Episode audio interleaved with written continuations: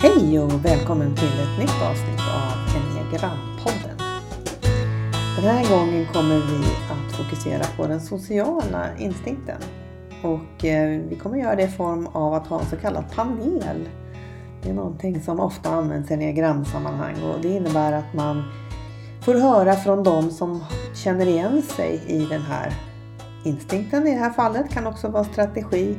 Det är ett sätt att verkligen förstå inifrån, från den som är mest berörd, hur det här funkar. Så idag träffar jag Charlotte Uggla som har fyrans strategi, eh, Edvard Danielsson som har sjuans strategi och Christian Lindgren som har nians strategi. Och alla tre känner igen sig att den här sociala instinkten är deras dominerande instinkt. Dessutom, om ni har hört på vårt första program om instinkterna så vet ni att även jag har den sociala instinkten som min dominerande instinkt. Så att jag kommer också lägga mig i en del själv i den här diskussionen. Ehm, och det vi pratar om bland annat är att det här med att läsa av alla människor och sammanhang och att stå tillbaka för gruppen.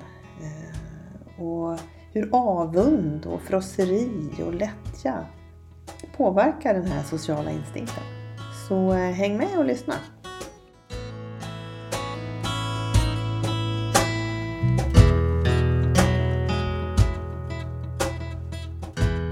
Hej och välkomna till den här poddstunden som ska handla om den sociala instinkten. Vi kommer att fördjupa oss i den och eh, för er som behöver lite hjälp att komma ihåg vad den handlar om så är ju det den instinkt där man har mycket fokus på det här med att smälta in, att få vara med. Från grunden handlar den sociala instinkten om, om det här med att ta hand om faktiskt någon annan, att ge upp någonting av sig själv för andra. Så det är väl ett tema i den här sociala instinkten också, att man är villig liksom att ge tid, eh, energi, uppmärksamhet till andra för, som ett indirekt sätt på att känna att men då får jag vara med också. Eh, så att det finns en hel del av eh, att kanske engagera sig i olika saker som är, ligger lite utanför sig själv, ideellt eller eh, på andra sätt. Att också vara väldigt lyhörd för när man är tillsammans med andra och framförallt kanske i grupper. Liksom vem är vem och, och vem, vem har hierarkin här och vilken plats har jag? Och lägga märke till vad som händer. Man är väldigt bra på att notera gruppdynamik utan att behöva ens anstränga sig för det. Det bara finns där. Man bara hör och ser och uppfattar allt som händer. Liksom. Så det är den sociala instinkten. Och då vill jag välkomna tre personer som känner att de har den här instinkten som dominant. Eh, det är Charlotte Uggla, Edvard Danielsson och Christian Lindgren. Så jag tänkte börja med att låta er presentera er bara lite. Eh, jag tror vi tar damerna först. Charlotte, om du vill berätta lite kort om vem du är? Ja, absolut. Charlotte Uggla då. Och jag eh, har fyra, enagrammets fyra strategi med social instinkt. Och jag eh, använder, alltså jag har ju med mig enagrammet som en del av min, vad ska man säga, ja, som ett raster som jag kan titta igenom och ha användning av i mitt jobb som eh, organisationsutvecklare och ledarutvecklare. Och mest skulle jag säga att jag har haft väldigt stor användning av enneagrammet i mitt eget liv, i min egen utveckling. Mm. Mm. Och i familjen, jag vet att hela din familj också är Hela familjen engagerad i det här. Ja. Har på olika sätt haft glädje av att, att förstå mer av, av, av ja, om sig själva och hur mm. saker och ting spelar ut sig och varför och så vidare. Mm. mm. Och Edvard då? Ja, Edvard heter jag. Är en social sjua jobbar som karriärvägledare på ett universitet och eh, intresserar mig för enagrammet i snart 15 år och eh, har drivit en studiecirkel kring det. Mm. Trodde i många år att jag var en nia men det var nog mer den sociala instinktens tendens till anpassning som nian också tenderar att göra men det var nog med sociala instinkter. Just det. Så att det var egentligen då när du förstod instinkterna som du förstod att du hade sjuans strategi eller? Ja, lite så. Ja, med att jag är mer, jag är mer självcentrerad än vad en nia kan, kan vara. Kommer fram till. Ja, och då har vi en nia faktiskt med som av en händelse, Christian. Ja, hej. Eh, Christian Lindgren då. Eh, bra inspel, inspelat. Eh, jag eh, eh, är ju då eh, har enneagramstrategi 9 med social instinkt. Jag arbetar med affärsutveckling på, med tekniska konsulter, ingenjörer. Och då, då är det så att för mig ehm, så har ju den här strategin varit otroligt viktig i kontaktskapande med mm. kunder och eh, med eh, ja, människor, ingenjörer också, anställda. Men jag har även sett då eh, på ett väldigt konkret sätt i mig diagrammet och det jag har lärt mig där att man kan använda det för att utveckla eh, affären mm. genom att utveckla konsulten. Inte bara den tekniska kompetensen utan även eh, titta på de personliga delarna.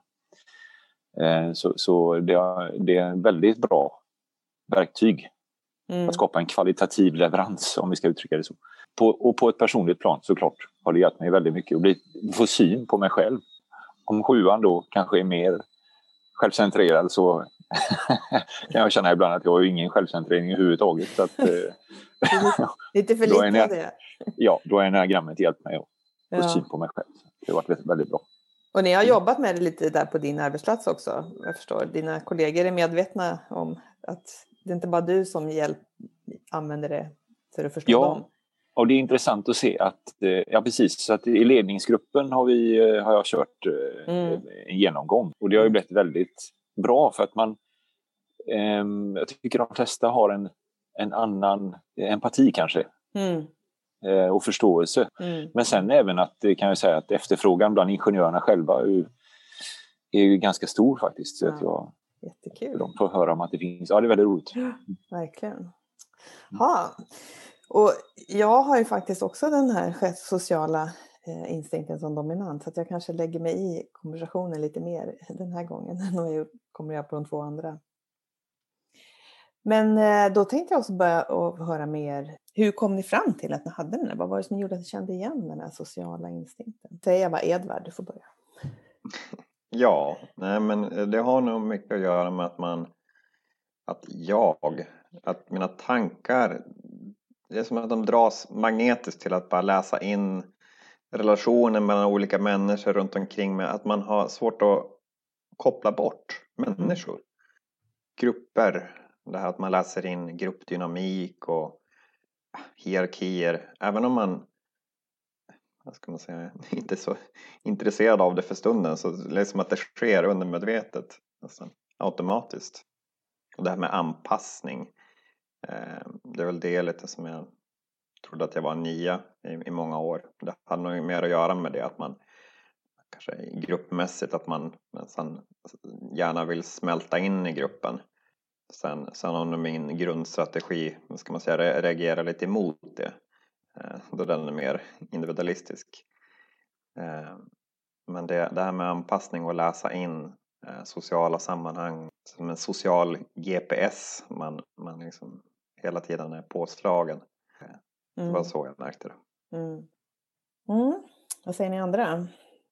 Uh, ja, ja. Nej, men jag tänker när jag lyssnar på dig Edvard att uh, alltså, eller, jag, jag tänkte dels på det här du sa den här GPSen typ, nej men att det finns där på något eh, undermedvetet, omedvetet plan. För mig tog det ganska lång tid att landa i, i att det är den sociala instinkten som är min dominerande. Mm. Därför att i början så var det mer att jag tänkte att ja, men det är en extrovert, alltså, jag, jag är i grunden skulle jag säga introvert, men jag har tillgång idag vid den här åldern och efter, till både min introverta och extroverta sida. Så det, men, men det där jag liksom, det gjorde att jag inte tänkte att jag hade en social instinkt som dominerande. Men när jag började fundera på vad är det jag, vad är jag uppmärksammar? Vad är det jag blir upptagen av? Vad är det jag liksom ser och hör? Och, och då är det ju det här, mm. vad som pågår mellan människor. Och, och just det som du sa Edvard, att det pågår, alltså för mig är det mer som att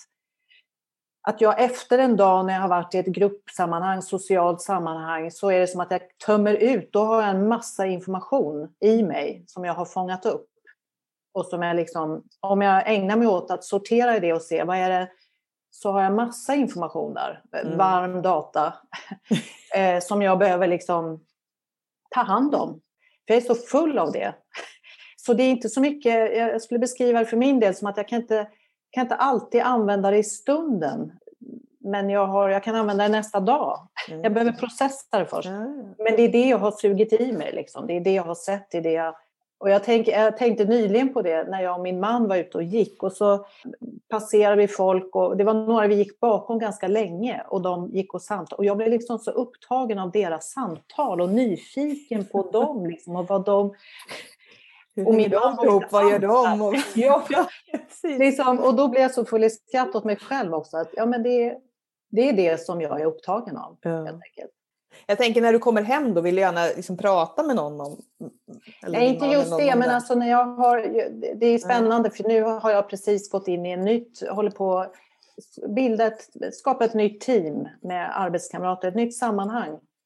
Eh, så när jag har tillbringat en dag, när vi har varit tillsammans en dag så ja, men jag, jag har lärt mig nu, jag behöver skriva av mig, jag behöver liksom mm. ta hand om det för annars kan jag inte mm. sova. För det är som, det är, jag processar. Mm. Och, men samtidigt har jag mer och mer användning av det. Ja. Förut var det mer som att jag var bara uppfylld av det. Nu har jag lärt mig hur jag kan använda det och det är väldigt värdefullt. Jag kommer att tänka på någonting själv där, jag kan bara flika in det. För mm. Jag känner precis igen det där behovet av att prata, av att liksom göra någonting med Att man har samlat på sig en massa. Idag har jag, och jag har träffat den personen och den personen och det här sammanhanget. Och, som tur är har jag en man med social instinkt så att när jag kommer hem blablabla, ja det är väldigt mycket så att prata om allting som alla människor och alla, all information, alltså det är en slags informationsdelning. Och jag tänker när du säger det, att jag tror i mitt fall så behöver jag först sortera själv mm. och, och skriva, mig hjälper att skriva och sen vill jag gärna prata liksom, det. om det jag har sett och fått syn på. Annars blir det bara en enda och där tror jag skillnaden i strategier kommer fram. Jag tänker det här med att använda information. Jag tänker att någonstans som, som sjua, som man, man är lite, man är lite framtidsorienterad och då, då, handlar det lite om sociala att, att man läser in hur sociala situationer, grupper kanske kommer utvecklas i framtiden. Att man, att man någon slags social prognos mm. ja. kring, kring det. Apropå, då, då, har man kanske en tanke om att ja, hur kan jag använda det? Att jag ser vart det är på väg, en gruppdynamik. Eller hur, hur kan jag liksom bidra till positiva i, i det? Eller, för jag undrar vad, vad, du menar med hur man kan använda det. Hur, för jag tror vi tänker säkert olika där, Charlotte, du och jag. Christian, vad säger du om den sociala instinkten och hur du liksom kom fram till det? Ja, men det är ju jätteintressant att höra er och det här ni kommer in på. Jag, för jag, jag slår mig att eh, min sociala instinkt, det, det handlar mycket om att jag får sån energi eh, eh, i, eh, i det sociala. Eh, och det är det som, om Nia nu kan vara lite så här bakåtlutad och eh, sitta bekvämt, så är det någon, det som får igång mig, det är det sociala. Eh, jag jobbar väldigt bra och kreativt i möte, i möte som är med, med andra, så att säga. Och det, och det, eh, det är som att det blir som en gnista va? som eh, sätter igång mig. När jag fick eh, förstå om de olika instinkterna så var det ganska omedelbart klart att det var sociala för mig. Eh, och tittar jag tillbaka så har jag ju alltid haft en ja, men liksom, tendens att gå upp i eh, saker, grupper. Sim, jag, jag simmade väldigt mycket eh, och det är totalt upp i det. Eh, den, den gruppen, simgruppen och tävling och föreningen där. Eh, alla möjliga sådana olika sammanhang som jag liksom varit en drivkraft. Mm. Och då ser jag också även på mitt jobb nu då att jag, vilket känns så här, det varit frustrerande innan jag förstod det här. Att jag, jag liksom har många kollegor som, eh, ja de kanske gillar att sitta med Excel-filer och, och jobba med spesar och, och, snabba på verktyg och processer. Och jag liksom, alltid tyckte det var så jobbigt det där. Liksom. Och så jag också ifrågasatt kanske, vad, vad gör jag egentligen? Gör jag någonting? Vad tillför jag här? Liksom? Mm. Har något, och det kanske hänger ihop med Lian också på, på något sätt, men också det här att det sociala, liksom, det har inte varit det man har lyft fram. Men nu har det, håller det på att vända lite då. Mm. Så jag kan ju se liksom att eh, att det finns ju en poäng i det här sociala, att vara kittet, att vara den som... För, för mig har det varit, det sociala instinkten har gjort att det varit väldigt lätt för mig att möta andra och få en, en, en bra, ett bra, skapa engagemang och koppling. Mm. Relationer liksom. till medarbetare eh, och kollegor. Men, men eh, så, ja, sociala instinkten för mig, det är mycket om att komma igång här och nu. Mm. Sen behöver jag också dra mig tillbaka ibland eh, för att bara vad har hänt nu då? Så, vad, gick, vad gick jag igång på nu? Liksom? Men, Hur processar du all den här informationen som du får in? Ja, och det är också intressant, då, för det tror jag är kopplat till, eh, till kroppen och in, på, på, min instinkt. Ett bra sätt för mig är att gå liksom, mm. och träna. Mm. Man behöver inte träna så hårt, men att hålla mig, att röra på mig. För jag, jag behöver liksom komma igång. Och när jag gör det i kroppen, då kommer jag igång bra i tanken och då kan jag tänka bra tankar om det jag varit med om. Men jag, jag, bara, jag blev sådär, jag tyckte det var så spännande det du sa här med Christian, det här med eh, ja, men vad tillför jag då? Eller vad, att, att, jag, jag kan känna igen mig i det. Och, och ja. att det blev så tydligt nu när jag slutade på mitt gamla sammanhang och vi hade avtackning. Och, och det, det de sa till mig, det jag fick liksom huvuddelen av feedbacken, det var just det här sociala kittet, vad jag har betytt i, i det. Att, mm. att få syn på det och verkligen ska jag säga, uppskatta det som jag uppfattar att du beskrev. Att den tillför någonting, mm. ja. verkligen, som betyder ja. någonting. Och det var så tydligt. Eh, men för att anknyta till det här med sociala kittet och det återigen att jag trodde att jag var nio en gång i tiden, att jag ofta gick in i en medlarroll. Det, redan tidigt i tonåren, gymnasiet, jag hade något som hette kamratstödjare. Jag blev vald till att vara kamratstödjare både högstadiet och gymnasiet. Mm. Kanske för att jag gick in i den rollen att lite, ska man säga, vara kompis med alla. Det var, lite, var väl lite min tendens där. Och att ja, just den medlarrollen, när man har social instinkt, så just det här förmågan att lyssna och verkligen hold the space för andra. Hur viktigt det är för andra personer. Mm. Eh, eller en grupp. Att det är svårt för en grupp att fungera om, om man inte har det. Ja. Och den här villigheten att anpassa sig, tror jag. Ja. jag. Jag bara får en association också, apropå det här med kropp. Att min upplevelse av att ja, men det är ju i kroppen jag har den här varma informationen. Alltså huvudet är ju med också, men, men just att, ja, att det är faktiskt mycket kropp. Det är där det sitter. Just det. Skulle jag beskriva det som. Mm. Mm. Jag skulle också bara vilja dra en story om när jag var helt omedveten om min sociala instinkt. Eh, och, och, och, för du, du, såg det, du berättade, vad heter, eh, berättade om det här med att du, fick, eh, du var kamratstödjare. Jag kommer ihåg när jag gick i gymnasiet sista året. Och så delade man ut stipendium på examensdagen.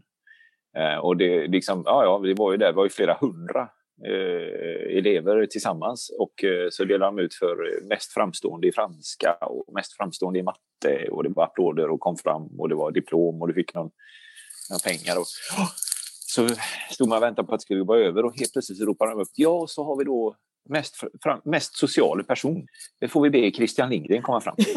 Och, och det, det var komplett chock alltså. Jag, det var det, ja. Och alla vände sig om mot mig och jag står där och bara, men vad händer nu? Det var, det var som att man drog ner brallorna på mig inför Jag bara, bara hej, tack, tack. Du vet, och, skämde. och, och efterhand så förstår jag, ja men det har ju varit mitt fokus hela ja. tiden. Ja, ja, ja. Ja, och jag var ju engagerad i elevrådet, och jag var, men jag ändå tyckte jag liksom, nej men vadå? Jag... Det där lilla. Ja. Känner ni att, eh, jag menar, det är ju alltid så med den dominanta instinkten, den är både en gåva som vi pratar om nu, verkligen att man har förmågan eh, till allt det här som vi läser av. Och, men känner ni också att, att det begränsar? Att när, hur kan det bli för mycket? Liksom? Mm. Vad säger du Charlotte? Nickar. Jo men eh, det slår med den här kärnkvadranten, jag vet inte om ni känner till det, men det här när man har en talang Eh, och vad som kan bli fallgropen när det blir för mycket av det goda, så att säga. För mycket av min lyhördhet, så kan jag lätt bli för alltså passiv. Att jag, jag är så upptagen att lyssna in och liksom, så jag tappar eh, jag blir för anpassad, för lyhörd, så att jag kan mm. inte använda... Alltså, det blir ju en talang när jag kan... Eh, mm. Och när det blir för mycket så, så ja, då kan jag inte använda det, utan då blir jag bara liksom Mm. Jag blir passiv, jag fastnar, jag anpassar mig för mycket. Mm. Kan du känna att det också går ut över vad du egentligen själv hade velat eller blir det en sån anpassning eller finns det en gräns ja, för dig där? Absolut. Det, det, det, blir ju då som att, ja, men som att jag tappar lite gränserna, att jag liksom blir... Så det, jag behöver liksom kombinera, komplettera den här lyhördheten med någon slags aktivt, aktivt lyhörd. Mm. Vad säger ni andra? Edvard? Ja, men ja, det där att jag kan bli passiv också. Eh, men sen är jag väl nog, vad ska man säga, aktiv i min strategi på många sätt. Men att, men att när man läser in grupper och personer och att man kan skapa felaktiga föreställningar. Och man, man får för sig vad, liksom, att man tror att man vet vad andra tycker och tänker och det kan ju växla till, växa till eh, rädslor kring ja, men, eventuella sociala konsekvenser om man gör si och så. Och någonstans så lägger man krokben för sig själv. Jag begränsar mig själv där. Att jag, jag har mycket kreativ energi och behov, och behov av att uttrycka mig.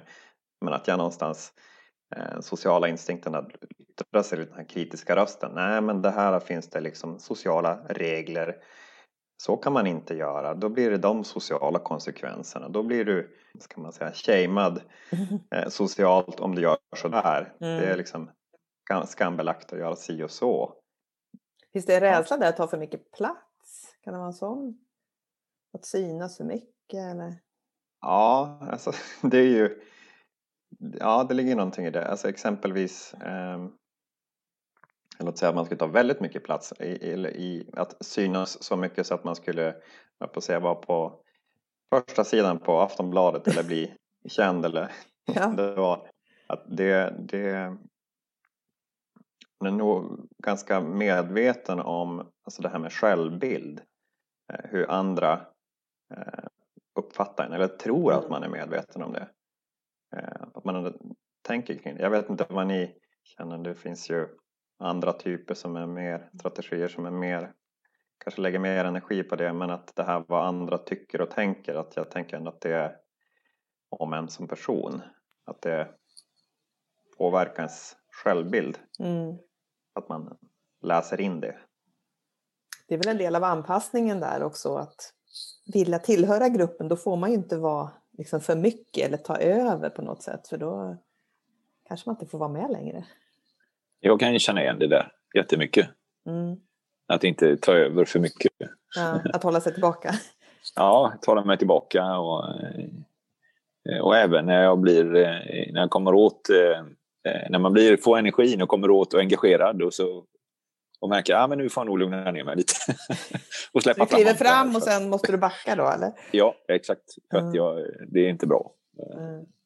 Men jag, det, det har också slått mig så här på senare tid så oerhört, det är ju liksom det är ju reptilsnabbt den här anpassningen. Och, mm. det, det, går, det är jättesvårt att fånga ögonblicket. Va? Jag bara, det bara görs det är många gånger jag kan upptäcka efterhand, men nu gick jag nog lite för långt över mina egna gränser. Mm. Eh, alltså det behöver inte vara så allvarligt, utan det är bara att jag mm, så får jag kanske fundera igenom efteråt, inte alltid, men ibland alltså fundera igenom efteråt. Vad, men tycker jag verkligen, håller jag med om allt det där som sades? Eller kanske skulle liksom ha eh, funderat eh, ett varv till för vad, mm. vad tyck, och, och, och, verkligen prövat den tanken. Våga pröva den tanken. Vad tycker du eller lyssna mer inåt då, då så att säga. Mm, mm. Hitta mitt eget svar. Istället för att vara så upptagen av gruppen.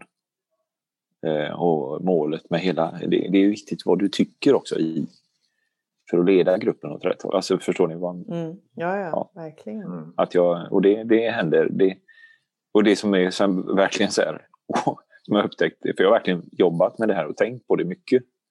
Det är alltså hur snabb jag är i mitt i den här instinkten. Mm. Att, eh, det är ju det. Eh, Instinkt, det är ju liksom instinktivt. Mm. Det är väldigt mm. svårt att stoppa. Det är bara det är reptilhjärnan som är inkopplad där. Ja, Edvard? Jo, nej men för mig så yttrar det sig det här med grupp, att smälta samman med gruppen. Eh, att jag såg den tendensen tidigt och så att jag har reagerat emot det, att jag tenderar att antingen vara bekväm i periferin av gruppen eller att jag leder gruppen. Och att det kanske har kopplat till en rädsla att smälta samman för mycket. Att där förlorar jag min liksom, mm. individualitet. Eh, som, ja, som sjua så, så, så värderar man det högt.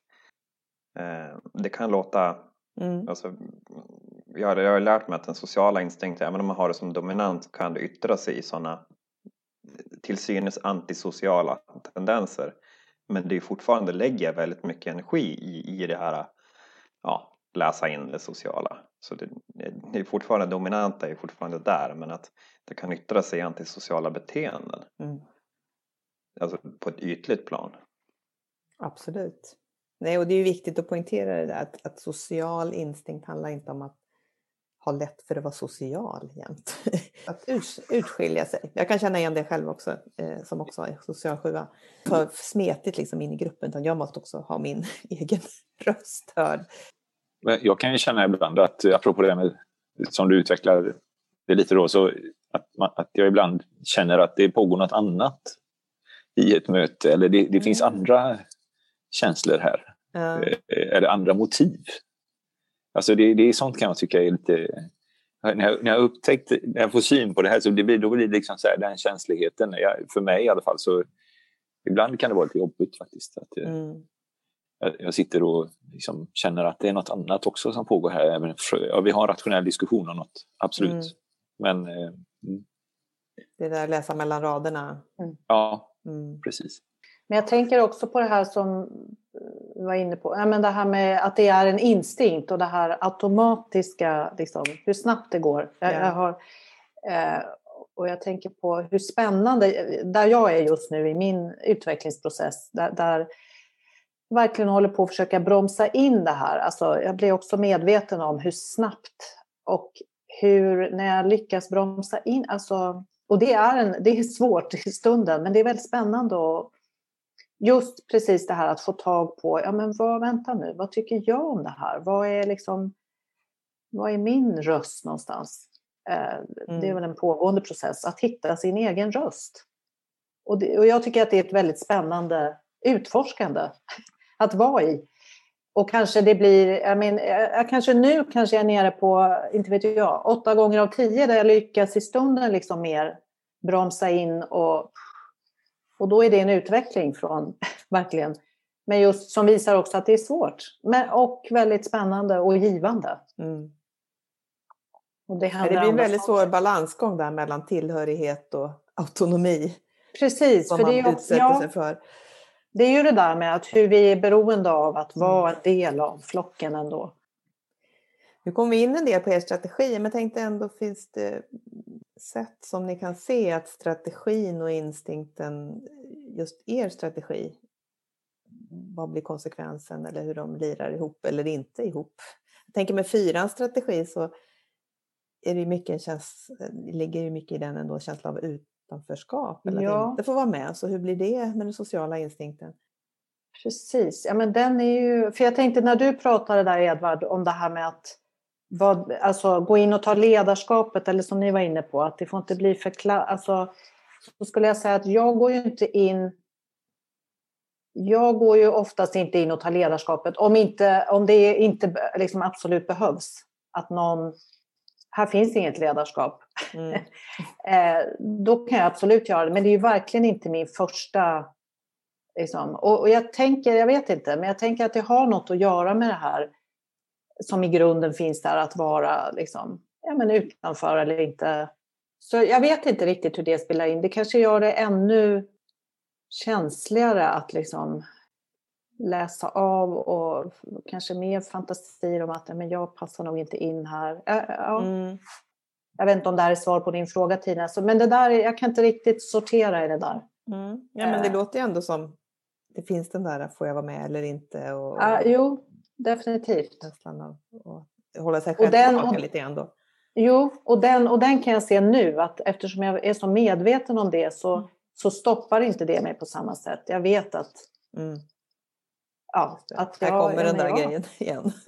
Precis, ja. och jag vill vara med här. Om jag nu vill ja. vara med här så, så tänker jag vara med här. Mm. Mm. På ett annat sätt än hur det har sett ut tidigare, när det varit omedvetet. Just det. Mm. Edvard, vad säger du? Ja, i kombination med min typ. Ja. Ja, med sjuan så den sociala sjuan beskrivs ju lite som att man vill vara en man vill vara god och att eh, bli uppfattad på det sättet. Tänker tillbaka på det här med medlaren, ska man säga, den rollen som jag såg mig själv gå in i mycket. Att man, någon slags undermedveten idé om att ja, men jag måste vara kompis med alla. Sen mm. ser inte så jättetydlig koppling till sjuan.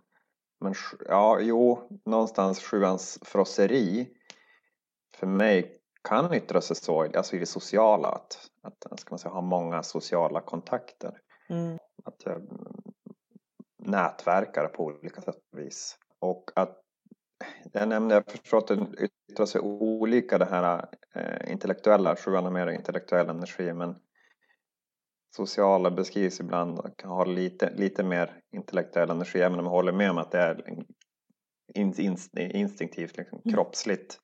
Men att det kan yttra sig i, men som enagrammet exempelvis, samhällsfrågor eh, där människor är involverade, att den sociala instinkten yttrar sig där också. Inte, inte bara i ska man säga, närmast sociala eh, gruppen eller arbetsplatsen Nej. eller familjen utan hela samhället. Att det finns ett intresse för samhällsfrågor och hur, ja, hur kan jag bidra där och tänka kring det, olika mänskliga perspektiv. Alltså enagrammet är nio olika mänskliga perspektiv. Jag tänker kring enagrammet varje dag. Mm, mm. Och för mig som sjua så, så frosseri, social sjua så alltså yttrar sig mycket i ett frosseri i idéer. Mm. Jag kan ju lägga till det också vad man brukar också säga är ju att sjuan vill ju ändå eh, trivs ju inte med smärta eller psykisk smärta, alltså må dåligt, vara ledsen, vara... Och där kan den sociala instinkten också användas till ett sätt att på något sätt få andra att må bättre utanför sig själv. Därför att man tycker inte om smärta hos andra heller. Man vill inte se att folk mår dåligt. Så att man mm. kanske också där engagerar sig socialt. I, jag har själv varit god man till exempel. Eh, att man känner ett starkt eh, nästan skyldighet på något sätt att bidra till att andra mår bra. Ja. Och jag vet att och det kanske också, jag tror det ligger allmänt i den sociala instinkten. Jag tänker, du Charlotte har ju varit engagerad i Mind det är väl också någon slags sådär önskan om att stötta andra. Och... Absolut, men och, och, där tänker jag med, för jag, jag börjar just tänka på det nu apropå smärta, att, att där skulle jag beskriva det som tvärtom, snarare gå in i smärtan än att undvika ja. den. Att, ja. att vara där med, med de här. Så det är ganska spännande. Ja. Och, och, vi vill kanske sjuan då går in mer i det för att ta bort den och så sen ja. kunna gå vidare själv. Ja, och slippa nej, men att den försvann. Ska vi höra Christian också om, eh, vi pratade en del om det, men nian kopplat till sociala instinkten. Ja, för mig, det som omedelbart kommer till mig är ju naturligtvis eh, att eh, en förmåga att eh, få folk att känna sig bekväma då. Mm. Det, det, kan ju vara så här om jag har intervjuer till exempel ehm, så, och det förstår jag också, det har tagit ett tag att förstå, men jag, jag, liksom, jag har ju väldigt lätt för att se, lyfta det positiva. Mm. Eh, och, och, förstärka det hos en människa. Ja, Vara vän med alla. Ja. Jag tänkte vi kan fortsätta på det här spåret som Edda började på också med, med den här um, destruktiva kraften som man pratar om ändå hänger ihop med instinkten. Som för nian är lättja då. Kan du se någon ja. koppling där? Lättja i liksom den sociala instinkten? Att det... Ja, eh, absolut. Eh, nej, men jag har ju väldigt lätt för att... Och, och, eh, ska, om jag har möte med någon, en kund kanske, att eh, under lång tid uppehålla mig kring annat än själva... Mm. Och det kan vara väldigt bra, men, ja. men eh, att man uppehåller sig om annat eh, än varför är vi här? Liksom. Mm. vi, vi är här för att prata om då någon faktisk affär eller det är någonting. Eh, och på det sättet så, ja visst, man kan skapa bra relation för det är lätt för mig att vara nyfiken på vad den andra är upptagen av. Eller vad som pågår så att säga. Då. Men det blir också, ibland så behöver man liksom, nej men nu istället för att luta... skjuter på den diskussionen som är lite mera ja. skarp kanske. Ja, så det kan vara ett sätt. Ja, ja. Vad säger du Charlotte om avunden då? Som jo, men det, det, var ju lite kul. Jag skrev ju till dig i morse Tina. Ja. Vadå? Fyrans destruktiva kraft, den kommer inte jag ihåg. Vad är den? Jag kom ju på det, avund. Ja. Nej, men jag, jag har inte så...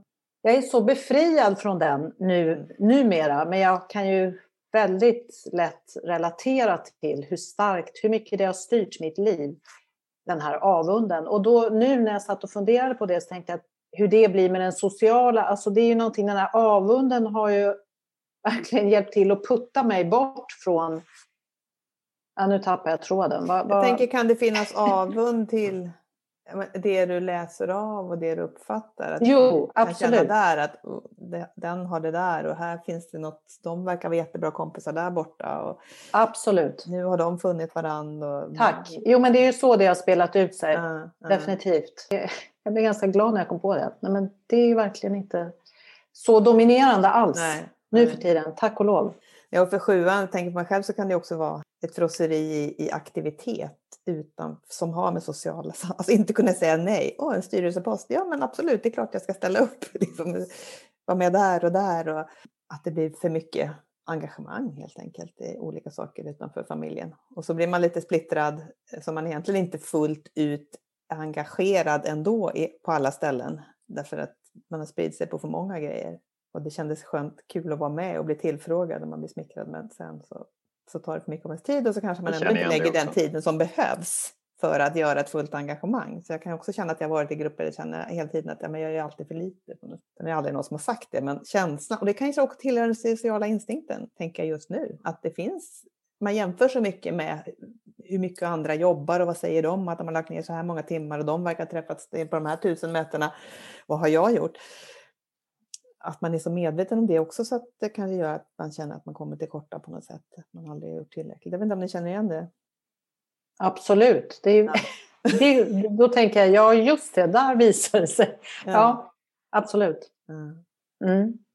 Jag, jag skulle vilja lägga till bara eh, om lättjan där. Och att jag, att jag liksom, lättja betyder ju inte nödvändigtvis lathet. Jag tror det är viktigt Nej. att Nej, det är mer lättja kanske mot dig själv och mot vad du ja, behöver. Ja men exakt och det är precis det som mm. du säger nu att jag, jag har märkt så väldigt mm. tydligt att ibland behöver jag liksom säga ty, men utifrån mig, vad behöver mm. jag? Va? Mm. Eh, eller bara sluta jobba och fokusera, okej okay, nu behöver du vila. Mm. Det är okej okay att vila. alltså, så på det Just sättet har det. Så i början när vi, man pratar om det här med, jag, vadå lättja, liksom, jag fattar inte den. Eh. Men så för mig har jag, har jag liksom upptäckt att lättjan handlar ju om att inte att, att negligera också mig själv liksom, mm. i... Um... Ja, för en, en social nia kan ju vara upptagen med jättemycket göranden. Ja. Du säger jobba jättemycket och... Och energi på annat och andra. Ja. Jag tänker på också i dessa tider som vi lever nu mitt i en pandemi. Det är lite intressant att fundera på över hur den där instinkten påverkar en. Kanske vad är det man saknar mest eller vad är det man har lätt att anpassa sig till och inte? Hur hård är man med att liksom låta sig styras av olika regler? Och jag pratade med de självbevarande i första podden. Och där var det ändå ganska tydligt att de, ja, men de var noga med de här reglerna som gäller i pandemin därför att det är en del av det självbevarande också, att jag ska överleva i det här. Jag vet inte om ni har funderat någonting på Jo, ja, alltså, ja. jag mm. funderar jättemycket på det. Eh, mm. Och just blivit så varse det här. Och det är väl också ett uttryck för det sociala, tänker jag nu då. Mm. Att, att ja, men jag kan inte bara tänka på mig själv nu, utan jag måste tänka på, på vad, hur jag kan bidra till vårt gemensamma bästa. Liksom. Vad jag kan Alltså jag tänker att men vi kan alla ha rationaliteter varför vi gör som vi gör och som låter vettiga. Men, men det, det håller liksom inte utan jag måste tänka ett snäpp till eller flera snäpp till. Och det tänker jag överhuvudtaget har blivit väldigt tydligt under den här pandemin att vikten av att vi förmår liksom se den här komplexiteten och tänka större mm. bortom oss själva. Och... Har du varit väldigt strikt liksom med, eller, eller har ni ändå träffats familjen? Och Familjen har ju träffats, men, men alltså jag skulle säga att min instinkt, eller liksom jag instinkt, impuls har ju varit att ja, men vi kan väl se. Och sen har jag liksom fått stanna upp, vänta nu, få tänka ett snäpp till. Så jag kan inte säga att jag har varit väldigt strikt, men jag har verkligen medvetet liksom tänkt efter ett steg till än att bara mm. följa impulsen som har väckts av att ja, vilja träffas eller att ja, men är det så klokt? Mm. Men, men och där, det slår mig nu när jag pratar om det att men där har ju det som har drivit mig är nog det sociala instinkten först. Liksom. Mm. Eh, jag tänker att det är också vara... impulsen att vilja träffas är kanske också den där sociala, att det är så självklart att man Precis, men också någonstans, eh, för jag tänker det var någon, jag hörde i våras när de pratade om de här spanarna, att, då var det ju precis nytt, men det här mm. att när man sätter de här gränserna och känner sig dum och fånig, nu har väl det förändrats, mm. då är det rätt liksom. Mm. Alltså, så det är någonting av det här att vara lite till lags och men inte ska jag vara en sån där paragrafryttare, tror jag att jag har i min Nej. självbild. Och nu har jag fått liksom, nej men det har inte med det att göra, utan nu får du... Ja, så det har varit spännande, ja. det är spännande och har varit det tycker jag. Ja, vad säger ni andra? Ja, om jag spolar tillbaka ett år, ja. alltså i början, mitten på mars där, då det började lite mer allvarligt, så var jag nog ganska snabb på, på, på vad ska man säga, läsa in det sociala behovet för distansering och så.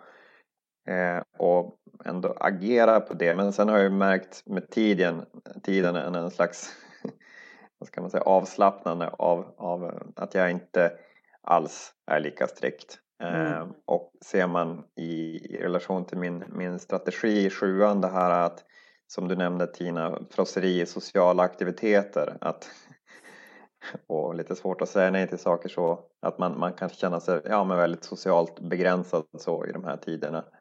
Ja, det har varit en utmaning, mm. definitivt. Nej, för jag har tänkt på själv att jag inte varit så där Ryttarnoga. Det låter inte som ni heller. För man vill inte vara den där obekväma personen som äh, flytta på dig. du kommer inte så nära mig. Eller, och jag har också haft behov av det här sociala sammanhanget som är familjen. Så vi har ju träffats, vår familj, hela tiden. Också faktiskt haft vänner hemma sådär, två stycken men då fick jag ju corona också. Så att det var ju lite...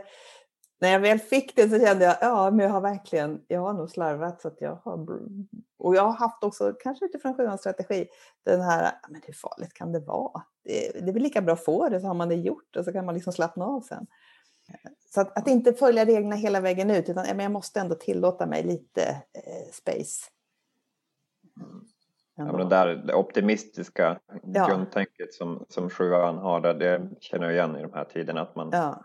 lätt att man inte, och att man inte vill vara en paragrafryttare. Men den här positiva grundsynen, optimismen, eh, kan ju vara naiv i det här eh, ja. fallet definitivt. Men jag känner att ja, sjuan är ju grunden positiv som nian också så att i, i relation till människor att, kan jag bara säga att du, jag som jobbar mer och coachande. Mm. Och där så yttrar det sig ofta så att man, eh, ja, man, man vill ha fram det positiva hos, hos individen. Jag tänkte jag skulle också bara eh, kommentera det från Elias ja. view. Eh, eh, att, att eh, nej men jag känner igen det ni Eh, nästan det här att ja, det är väl lika bra att få det.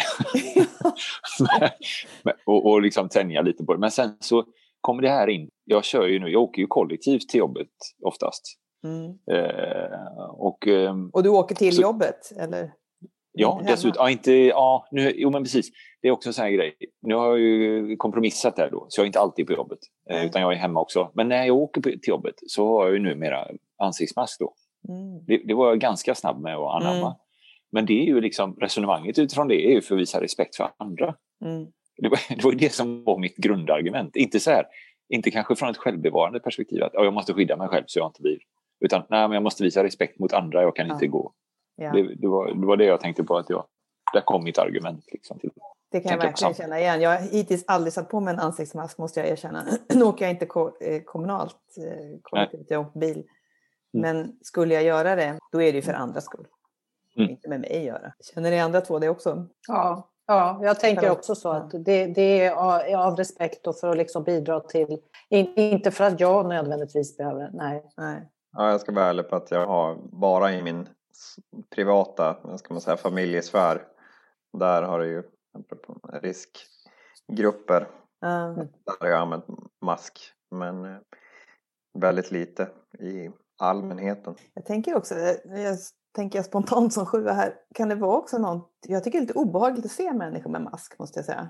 Kan det vara något att man tappar lite av det här läsandet av människor när man bara ser liksom ögonen? Det, Definitivt. Jag känner mig osäker.